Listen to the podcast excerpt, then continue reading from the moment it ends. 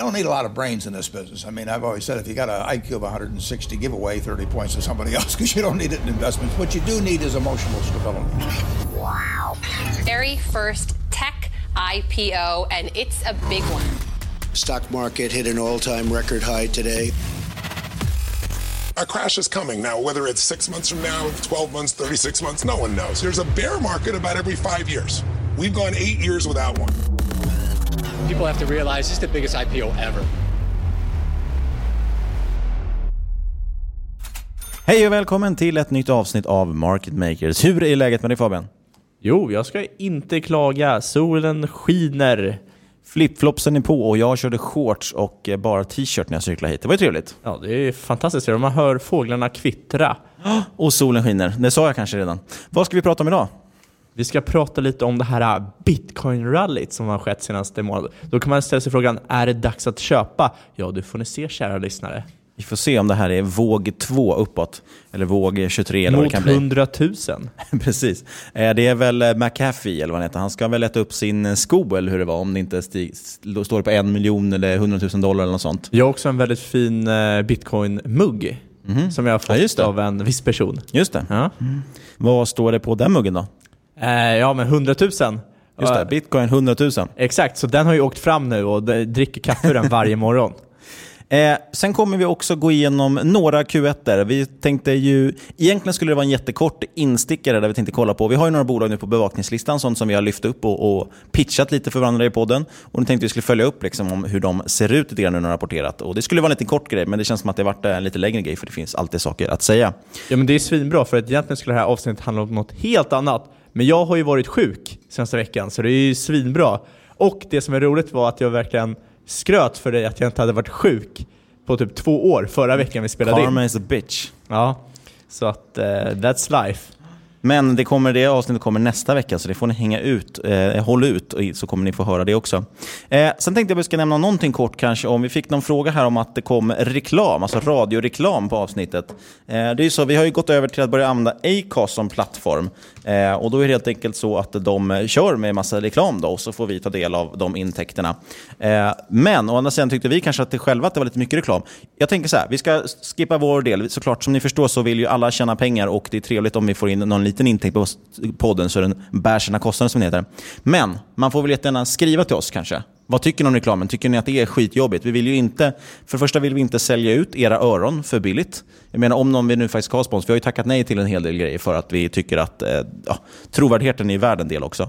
Eh, och så vill vi också veta, liksom, så vill vi heller såklart inte att eh, folk slutar lyssna bara för att det är massa störande reklam. Då kan vi skippa den helt och hållet. Exakt. Så skriv gärna till oss. Eh, vad, vad, har ni för idéer eh, för det här? Det tycker jag vore intressant att höra.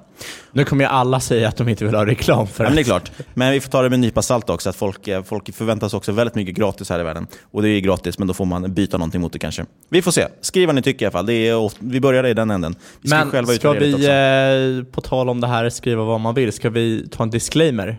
Ja, det säger vi alltid. Och det är som vanligt att det inte är någon rådgivning. Det här är ingen rekommendation. Alla investeringar är förknippade med risk och så vidare. och så vidare. Du kan förlora pengar helt enkelt om du investerar fel. Eh, och lita då inte blint på vad vi säger. Ta allting återigen med en nypa salt och gör din egen analys. Ja, det var bra freestylat. In, inte som vi har skrivit på Nej. våra skärmar exakt vad vi ska juristerna läsa. skriva och bli förbannade. Men å andra sidan har vi inte råd att betala några bra jurister med våra få, få sponsorintäkter. Have catch yourself eating the same flavorless dinner three days in a row? Dreaming of something better? Well, hello fresh is your guilt free dream come true baby. It's me, Gigi Palmer. Let's wake up those taste buds with hot juicy pecan crusted chicken or garlic butter shrimp scampi. Mm. Hello Fresh. Stop dreaming of all the delicious possibilities and dig in at HelloFresh.com. Let's get this dinner party started. There's never been a faster or easier way to start your weight loss journey than with PlushCare. PlushCare accepts most insurance plans and gives you online access to board-certified physicians who can prescribe FDA-approved weight loss medications like Wigovi and Zepbound for those who qualify Take charge of your health and speak with a board certified physician about a weight loss plan that's right for you. Get started today at plushcare.com slash weight loss. That's plushcare.com slash weight loss. Plushcare.com slash weight loss. Here's a cool fact a crocodile can't stick out its tongue. Another cool fact you can get short term health insurance for a month or just under a year in some states. United Healthcare short term insurance plans are designed for people who are between jobs, coming off their parents' plan, or turning a side hustle into a full time gig. Underwritten by Golden Rule Insurance Company, they offer flexible, budget friendly coverage with access to a nationwide network of doctors and hospitals. Get more cool facts about United Healthcare short term plans at uh1.com. Hey, it's Ryan Reynolds, and I'm here with Keith, co star of my upcoming film, If, only in theaters, May 17th. Do you want to tell people the big news? All right, I'll do it. Sign up now and you'll get unlimited for $15 a month in six months of Paramount Plus Essential Plan on us. Mintmobile.com slash switch. Upfront payment of $45 equivalent to $15 per month. Unlimited over 40 gigabytes per month. Face lower speeds. Videos at 480p. Active Mint customers by 531.24 get six months of Paramount Plus Essential Plan. Auto renews after six months. Offer ends May 31st, 2024. Separate Paramount Plus registration required. Terms and conditions apply if rated PG. Då så, Fabian, berätta. Du som är bitcoin-guru, vad är det som händer? Jo, men så här är det. Senaste veckorna har vi sett ett rally i bitcoin. Eh, slutet på april så låg bitcoin på 5300 eh, dollar per bitcoin och nu ligger det strax under 8000 dollar per bitcoin. Det är alltså en 50% ökning. Och Teorin om varför det här har hänt är rätt många. Eh, man kan höra att institutionella investerare har börjat handla upp kursen. Mm, den har jag ja, hört. Ja, de har vänt sig snabbt och börjat anamma bitcoin. Eh, man hör även, och det här är ju någonting som båda vi har sett rätt mycket, vi har hört rätt mycket i olika poddar, och det är att det här rallyt eventuellt har skett på grund av handelskriget. Rika kineser vill få ut sina pengar ur Kina och därför handlar det om bitcoin. Och vi kan ju förklara det snabbt. Vi hade ju, kom ihåg kanske, vi, hade, vi har gjort flera avsnitt om Kina och ett av dem så hade vi med Eh, vad heter den då? Digitala Draken-podden heter de. Eh, och då berättade de bland till exempel att en av de vanligaste grejerna folk köper till sina barn när de studerar utomlands, om man är kines då, och en rik kines familj, så köper man jättedyra fioler till exempel och skickar. Man, och det finns en mängd sådana exempel på att man köper olika saker, precis som att man köper eh, bost, fastigheter och allt möjligt liksom utomlands. Man försöker flytta ut pengarna för att man har extremt hårda regler för att det inte går att flytta ut pengar ur landet. Exakt, och visst kan det vara så Och bitcoin att funkar väldigt smidigt för det. rika kineser investerar i, eh, i, eh, i bitcoin. Men vi tror inte att det är helt korrekt, i alla fall i det här, i det här fallet. Det finns åtminstone en mer intressant teori kan man säga. Exakt. Och den teorin då är kopplat till den här kryptovalutan Tether som vi har, jag tror vi har pratat om den tidigare, och även handelsplatsen Bitfinex som det säger en, låt oss säga en, en Avanza eller Det, Nordnet det är svårt eh, att veta nu efterhand Bitcoin. vad exakt man har pratat om i podden, vad man pratat om på Twitter, vad man pratat om mellan varandra när man inte Ja, spelar in. Men jag tror vi har nämnt den. Det är så kallad stablecoin i alla fall. Eh, och lite kortfattat vad är en stablecoin? Jo, det är en, en, eh, en kryptovaluta som ska hålla sitt värde stabilt. Tanken i det här fallet är att den ska hålla sitt värde 1 till 1 mot den amerikanska dollarn. Så om amerikanska dollarn är värd 1 dollar så ska en tether vara värd exakt 1 dollar heter den. Exakt. Eh, Tanken med det här, anledningen till varför man har det, jo det är för att det ska vara smidigt. För att handlar du till exempel på någon, någon eh, ja, större handelsplats då och handlar kryptovalutor så vill du kanske kunna sälja av dem och bara då köpa dollar istället. Men för att det var lite osmidigt att få, faktiskt få ut dollar och så vidare och det finns lite skatteeffekter i det där tror jag också. Så det är lättare att bara köpa en sån här stablecoin så vet du att den håller samma värde men du har faktiskt inte köpt fysiska dollars. Ja, och anledningen varför jag har pratat om Tether innan, det är ju för att det har varit liksom, det har varit en liten fråga där om Tether faktiskt har backat upp eh, Eh, den här valutan mot riktiga dollar. Och det är någonting man faktiskt inte har vetat eftersom Tether Limited, alltså bolaget bakom Tether, de har ju aldrig blivit reviderade, eller audited som det heter på engelska. Och de har ju hävdat att de har så här mycket dollar. Men å andra sidan så stack ju liksom mängden Tether upp. Det var så extremt många så man började undra, kan de verkligen ha så mycket dollar till hands? Och det gick, det gick upp så extremt snabbt också, så att det blir liksom, hur har ni hunnit, ens hunnit handla de här äh, miljontals dollarna? Men det är också viktigt att förstå relationen mellan Tether och andra kryptovalutor, för man kan ju tänka sig, okej men någon random kryptovaluta, hur påverkar den här äh, stora kungen av kryptovalutor?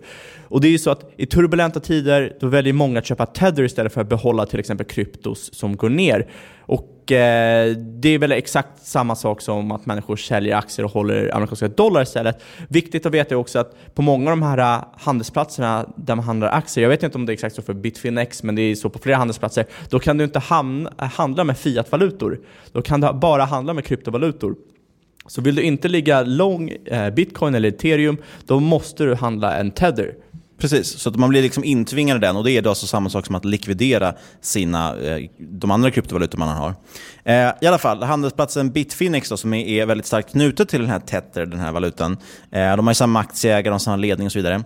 De då, Bitfinex, anklagades i mitten av april av New York Attorney General, det vill säga han som är med i Billions. Exakt. det där Chuck Rhodes är från början. Eh, de anklagades i alla fall då för att ha använt de här Tethers tillgångar för att täcka upp 850 miljoner dollar som har varit inom citationstecken försvunna sedan mitten av 2018. Alltså, man har alltså haft pengar då som man tror är försvunna, man har slarvat bort kryptovalutor eller bestulen eller vad som helst och de har försökt täcka upp det med de här tillgångar man har i den här stablecoinen. Då.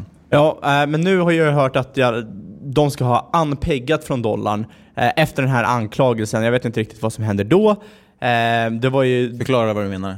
Ja, de har ju varit peggade mot dollarn, alltså att... Eh, de ska följa den slaviskt. Följa, exakt. Och då efter, att, efter det här då så har det tydligen varit så att de har, inte ska följa den slaviskt eh, och inte behöva vara uppbackade mot dollarn. Och det resulterar i att tethern gick ner.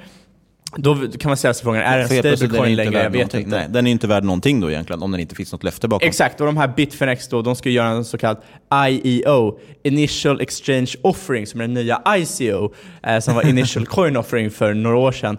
Och Det här är för att täcka upp de här försvunna pengarna. Och det hela låter ju väldigt, väldigt legit. Verkligen. Känns väldigt seriöst alltihopa. Eh, helt enkelt i alla fall, det är väldigt mycket som pekar på att det här med Tether och Bitfinex kan vara ett bedrägeri, eller de är skyldiga fall till bedrägeri. Och det är ju inte jättekul, men inte heller så svårt att tro med tanke på det här tidigare agerandet av dem eh, och de här sakerna som händer nu. Bitfinex har tidigare blivit anklagad för marknadsmanipulation också. Vi har till exempel något som kallas för wash trading, det vill säga att man ställer ut köp och säljordrar för att skapa falskt eller missvisande aktivitet. Eh, de är även misstänkts för spoofing, det vill säga att man lägger stora ordrar på till exempel köp eller sälj utan att faktiskt slutföra ordern. Eh, och det här ger då liksom ut synen av en artificiellt hög eller låg efterfrågan. Ja, och då kan man ju fråga sig, Bitfinex, Tether, ja, som du säger, troligtvis stort bedrägeri, men hur påverkar det här bitcoin och andra valutor? Och då är det troligtvis att det här som har skett hittills har varit en artificiell pump som effekt av att Bitfinex eh, och Tether krisar. Och för helt enkelt, det skulle vara ett väldigt, väldigt väldigt stort sammanträffande om eh, institutionella investerare och rika kineser skulle börja handla in sig i bitcoin nästan exakt samtidigt som en av liksom, de största kryptovalutorna och en av de största handelsplatserna befinner sig i en likviditets och legal kris. Och eh, ja, när det kommer till de institutionella investerarna så är det inte minst konstigt med tanke på att majoriteten av handeln eh, har skett under helger. Bitcoin i alla fall ökat 50% under april efter det kom ut att då Tether och Bitfinex ligger rätt risigt till. Så många börjar då likvidera sina Tether och köper Bitcoin istället. Eh, I teorin där då. Eh, det bakomliggande bolaget här, de har en historik som vi sa med marknadsmanipulation. Eh, och det låter lite då som sagt att folk försöker skifta över sina tillgångar från Tether till Bitcoin och andra valutor. Så det kanske inte är liksom en 100% säker anledning eller efterfrågan som får Bitcoinpriset att rusa. Ja, alltså vi är ju inga experter och detta kan helt enkelt vara ett sammanträffande eller en av många pusselbitar, men det luktar lite skumt kring aktiviteten i bitcoin. Med det sagt så kan bitcoin säkert fortsätta rusa, men man bör ju hålla koll på att det här inte ser ut som det gjorde under till exempel 2017. Men vet du vad Fabian? Vadå? Nu är ju BitConnect tillbaks. BitConnect 2.0. Ah. Vårt favorit i kryptopyramidspel. Jag lägger 100% investerad. Hey, hey. What's up, what's up, what's up, what's up, what's up, what's up, what's up, what's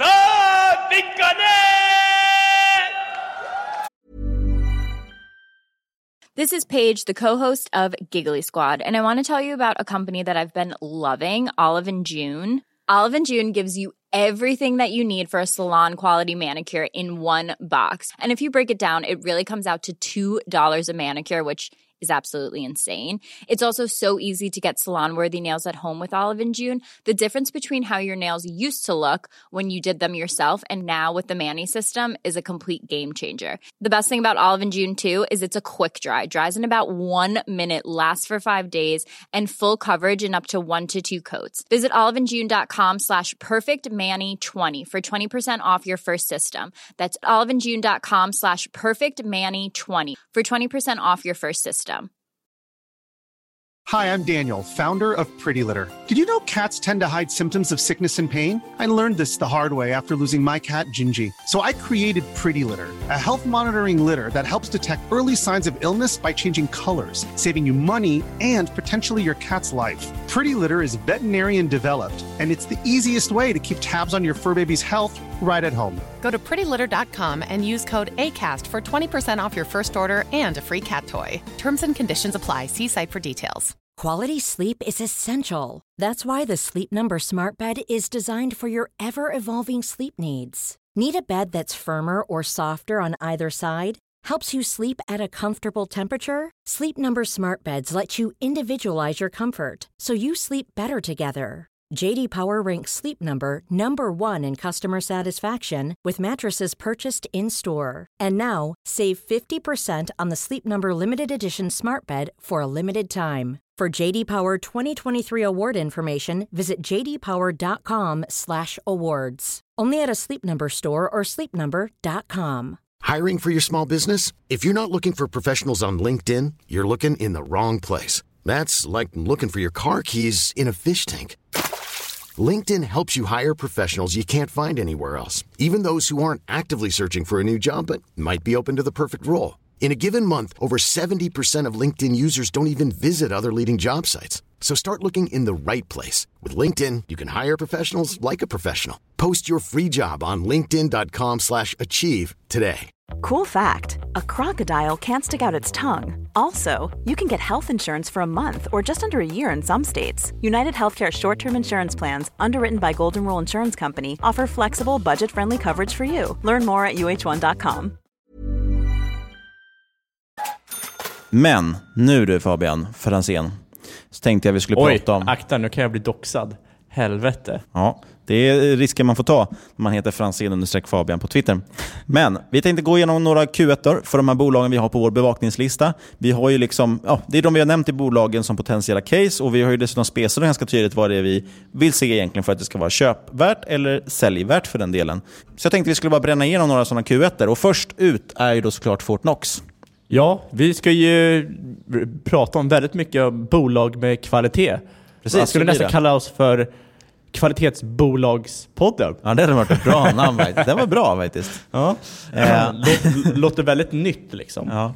Eh, Fortnox i alla fall, det här är ju ett vidunder till tillväxtmaskin kan man säga. Den fortsätter ånga på med otroliga siffror. Eh, tillväxten för Q1 jämfört med samma kvartal förra året. Vi kommer, eftersom vi tittar på Q1 så kommer vi, nästan alla siffror vi nämner så är ju det förändring mot Q1 förra året. Så det är inte på kvartalsbasis utan det är på årsbasis. I alla fall, jämfört med samma kvartal förra året så växte man med 39% sett i omsättning och hela 73% sett i vinst. Det är ganska otroliga siffror. Eh, de här siffrorna är faktiskt bra till och med för att vara Fortnox. De är över intervallet om man tittar tillbaka historiskt några, några år. Då. Och samtidigt förbättrar man ju då sina marginaler uppenbarligen. Så det är imponerande, eller hur? Ja, absolut. Det som är ännu mer imponerande är ju att man växer antalet kunder med 6% under kvartalet, vilket ger en tillväxt på 24% jämfört med samma kvartal 2018. Totalt har man ju närmare 300 000 kunder. Det är rätt coolt. Sen är det ju också rätt intressant sett till att bolaget bara har 300 anställda. Hur många är det eh, kund till anställd ratio, Niklas? Tusen. Ja, fan. Men det är ju här man ser den här tydligt den här kraften i så kallade SaaS-bolag, alltså Software as a Service. Men du menar väl SAS? Bolag. Varför de, de har ju sådana otroliga marginaler. Eh, och Det som också är lite kul nu, även de här nya, sat, nyare satsningarna, lite nyare satsningar fall, mot eh, bland annat försäkring och finans, då, som man försöker, eller finansiering som man försöker få ut sina kunder. De verkar ju utvecklas positivt, vilket vi tycker är kul. Eh, så att, det känns som att man är på rätt bana, eller hur? Absolut, det finns ju inte så mycket att säga egentligen. Eh, fantastiskt bolag. Vi har ju pratat om det flera gånger i podden tidigare. Och eh, ja, vi är väl inte ensamma med att tycka att aktien är trevlig. Och det syns ju på aktiekursen. Har dubblats eh, på ett år och eh, P ligger på närmare 80. Härligt. Vi sa ju i avsnitt 71 när vi kollade på Q4 att man historiskt har handlats på ett intervall mellan P 30 och 60. Eh, och Då stod man i 67, vilket vi tyckte var lite, ja, det var ju klart över det snittet. Och nu är det alltså ännu dyrare på P 80. Men vad tittar vi på då istället? Då kollar man på PEG och det lägger vi alltid väldigt stor vikt på för vi gillar den här tillväxtmanicken. Ja, eller vi lägger stor vikt på det vid den här typen av bolag i alla fall, när de växer väldigt kraftigt. Får man ändå poängtera. Man kan inte Ja, alltid vi- titta på det om bolaget inte är lönsamt. Ja, det är sant, men det är, ja, jag vet inte hur många bolag vi brukar handla som inte är lönsamma. Nej, det är sant. Jag vet inte heller. Men PEG i alla fall ligger ju nu ganska eh, stadigt kvar på prick 1 och det var ju där den låg under avsnitt 1, eller 71 också. Eh, som sagt, när man växer så kraftigt som Fortnox gör, då måste man ju väga in det här tycker vi. Eh, på ett lönsamt bolag gör PEG-talet jobbet såklart, även om det inte är då ens e enda nyckeltal givetvis. Eh, och vi satte ju ett intervall att vi tycker det är intressant om PEG ligger runt 1-1,5 då ungefär. Eh, och nu är man alltså nedre delen av det intervallet. Och det gör väl att vi fortsätter behålla det här bolaget. Den har utvecklats väl och vi fortsätter tycka om bolaget. Sen har vi ju hedgat upp där då med att äga konkurrenten 24-7 Office. Den här norska konkurrenten som nu slåss med näbbar och klor för att plocka marknadsandelar även på svenska marknaden. Eh, vi tog upp bolaget relativt nyligen, det var i avsnitt 78 och sen köpte vi på oss lite grann någon vecka efter det. Exakt. Eh, bolaget, de saknar historik. De kom ju rätt nyligen till börsen, men som ni trogna lyssnare vet så grävde vi fram tidigare årsredovisningar på det svenska dotterbolaget för att kunna göra en rimlig bedömning. Och Sen justerade vi ner rörelsemarginalen kraftigt eh, för att göra det mer rimligt och konservativt antagande om framtiden. Och Det här kokar vi ihop till att man borde ha en EV-EBIT på mellan 20-50 med rörelsemarginal på 10 respektive 20 procent. Mm, och det är många antaganden. Eh, vi förklarade ju dem lite bättre då. Det kan man lyssna på avsnitt 78 om man är intresserad av det. Eh, många antaganden, ganska saftig prislapp också. Även om det i och för sig låter billigt jämfört med Fortnox. Eh, men vi tycker att det här norska bolagets, delen av det här bolagets, historiken visar på att man vet vad man gör för någonting. Man har en väldigt fin tillväxt också även i Sverige. Eh, så länge man går åt rätt håll på den svenska marknaden känns caset rätt intressant. Eh, och något vi lyfte då som var bolagets liksom stora grej är att de har väldigt låg churn, det vill säga att de har väldigt lite kundtapp. Eh, och de har otroligt hög LTV genom CAC, det vill säga eh, lifetime value genom customer acquisition cost, som vi pratade jättemycket om i det avsnittet. Helt enkelt vad varje kund genererar intäkt relativt vad det kostar att få in kunden. Eh, LTV genom CAC låg då för 2018 på drygt 17, man har varit relativt stabil där de senaste fem åren. Det är en sanslöst imponerande siffra. Om du kunde lägga en dollar och få tillbaka 17 dollar, ja, men då hade du lagt in varenda krona du hade. Eller varenda dollar uppenbarligen, som jag sa dollar. Eh, men man eh, backade tyvärr lite på den under det, men det är i alla fall fortsatt på en bra nivå. Man ökar även omsättning samt antal kunder med hela 35% jämfört med samma kvartal föregående år. Den, eh, eller ja, det som är lite tråkigt var att man vände till förlust. Vilket, ja, vi hade ju inte förväntat oss det i alla fall. Nej, egentligen är det inte så konstigt. Det med expansion och tillväxt kostar givetvis. Men vi hade väl lite hoppats på att man, likt Fortnox då igen, kunnat växa med lönsamhet. Det är ju roligare. Eh, det finns ju en mängd bolag som väger, växer fint när man sätter till omsättning, men som inte gör det lönsamt. Till exempel Storytel, Played och så vidare. Eh, vi, ska, vi ska i alla fall inte döma ut det här bolaget efter ett enstaka kvartal. Vi får fortsätta följa det här lite, se hur det utvecklas framgent. Nyckeln tror jag är att hålla koll på just det inträdet i Sverige, se att verkligen kundbasen fortsätter växa. För då vet vi att har de då ett LTV-CAC på låt säga 15-16 någonting, så då kommer du få igen pengarna många gånger om. Ja, eh, justerar man för kostnader som är kopplade till Gud expansion... vad du justerar hela tiden. Vad sa du? Gud vad du justerar hela Ja, men tiden. det är väl supertrevligt. Titta på verkligheten istället. Nej. Ska, jag, man ska alltid justera efter sin egna värld. Så att man får in det i sin modell. Exakt. Det, det är modellen som bestämmer. Jag brukar sätta riskfri ränta på minus 10%.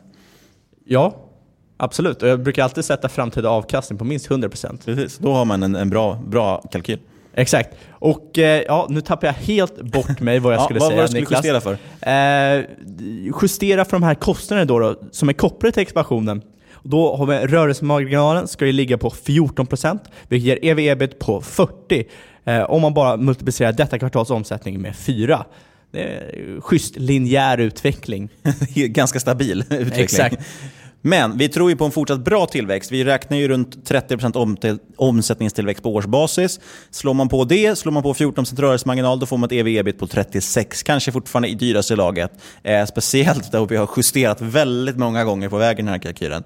Eh, men vi ger det lite mer tid för att se hur det utvecklas. Vi tycker att det är ett intressant bolag. För att bland annat, en av de mest intressanta aspekterna eh, med 24-7 Office är ju deras AI-motor. De har ju automatiserad bokföring.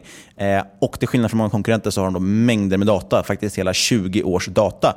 Och man rullar nu ut det här till fler och fler kunder som får testa den här motorn just för att resultaten för de som har börjat betatesta har varit väldigt, väldigt god. Man har bra hitrate på det här. Eh, det här tycker jag är väldigt intressant. Det här kan ju vara något av en game changer faktiskt om det lyckas riktigt bra. Det är många som har försökt men inte lyckats. Om, nu tycker jag vi skiter och pratar om de här uh, tråkiga SAS-bolagen. SAS-bolagen?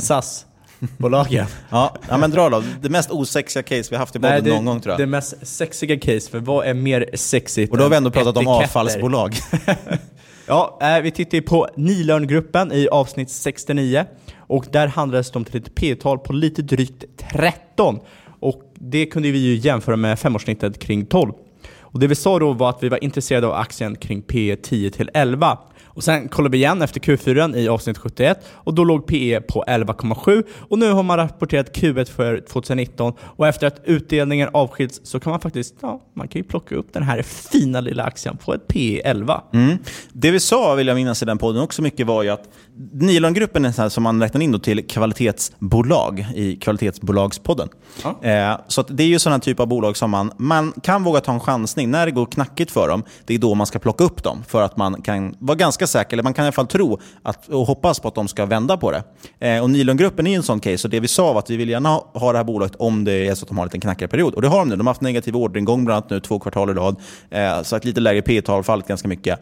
Eh, och man har då även också enligt de siffror jag fick fram, då, fått ner utdelningsandelen, eh, utdelningsandelen ytterligare. Vilket är positivt. Det var ju också något vi anmärkte på var väldigt högt innan. Eh, så på den här nivån får man dessutom då en direktavkastning på 5,5% och det är faktiskt inte heller dåligt. Så det är mycket som pekar som är rätt intressant här. Också eh, något som är väldigt intressant och roligt är att de har haft en rejäl tillväxt under Q1. Eh, 9% organiskt och 17% om man räknar med valutaeffekter. Och man tillägger ju också själva att man gynnats av hur påsken ligger i år. Fortsatt ett sjukt osexigt bolag, eh, samtidigt som det i och för sig då varit rätt populärt i vissa sparkretsar. Eh, kanske kan vara någonting att ta in i portföljen på de här nivåerna. Vad säger du Fabian? Jag tycker det låter intressant faktiskt. Och det har ju varit ett case jag kollat på väldigt länge.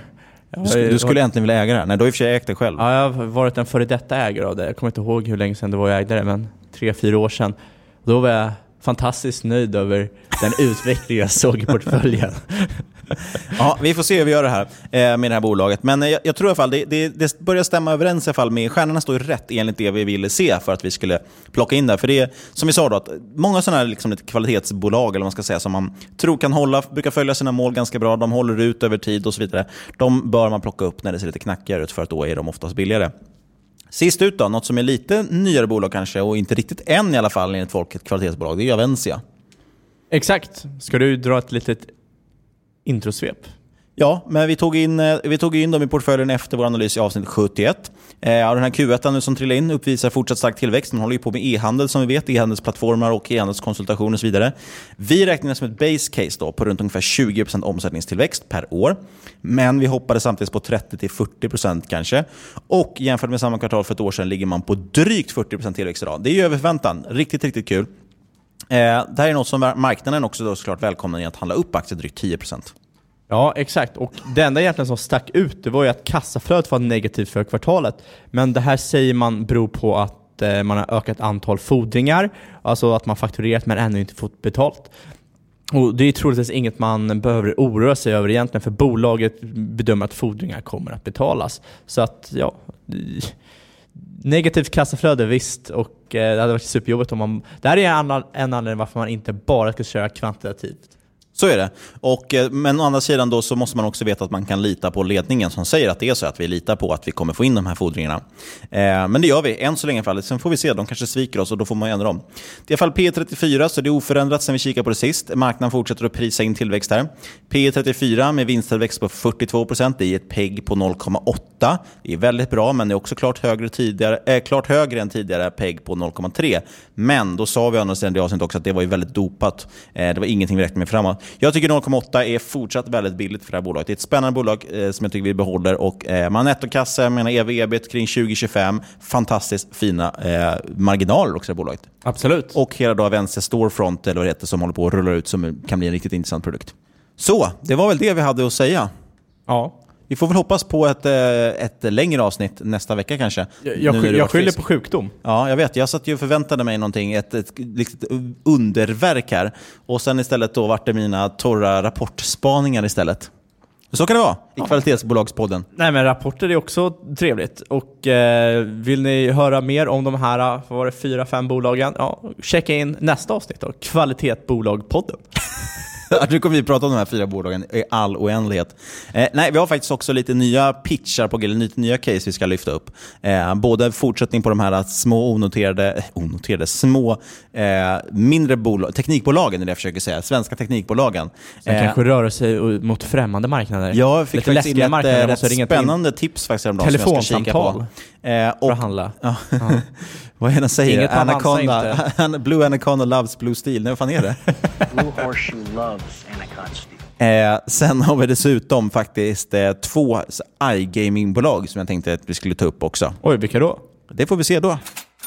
Och där var vi i mål med det här avsnittet. Det var ett lite kortare avsnitt. Eh, Vi skyller alla på Fabian. Ni får gärna skriva, twittra ut då, att Franzén understreck Fabian, skriva fy på dig Fabian. Men för att ta igen det här ska vi ha ett fullspäckat avsnitt i nästa avsnitt.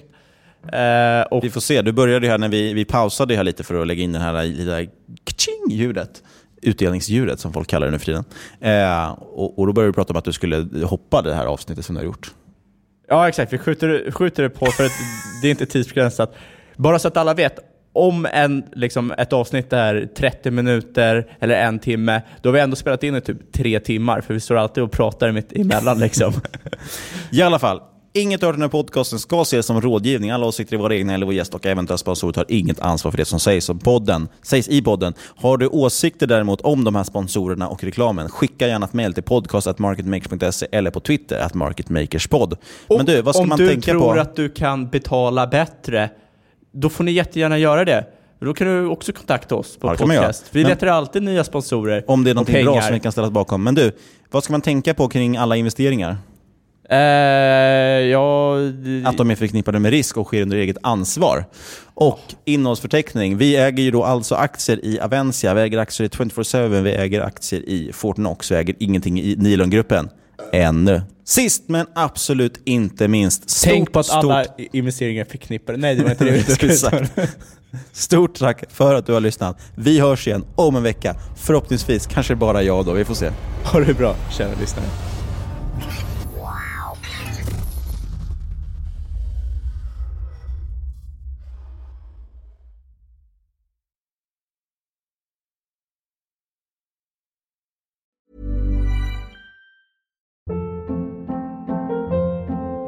Hold up. What was that? Boring. No flavor. That was as bad as those leftovers you ate all week. Kiki Palmer here, and it's time to say hello to something fresh and guilt-free. Hello Fresh. Jazz up dinner with pecan-crusted chicken or garlic butter shrimp scampi. Now that's music to my mouth. Hello Fresh. Let's get this dinner party started. Discover all the delicious possibilities at hellofresh.com.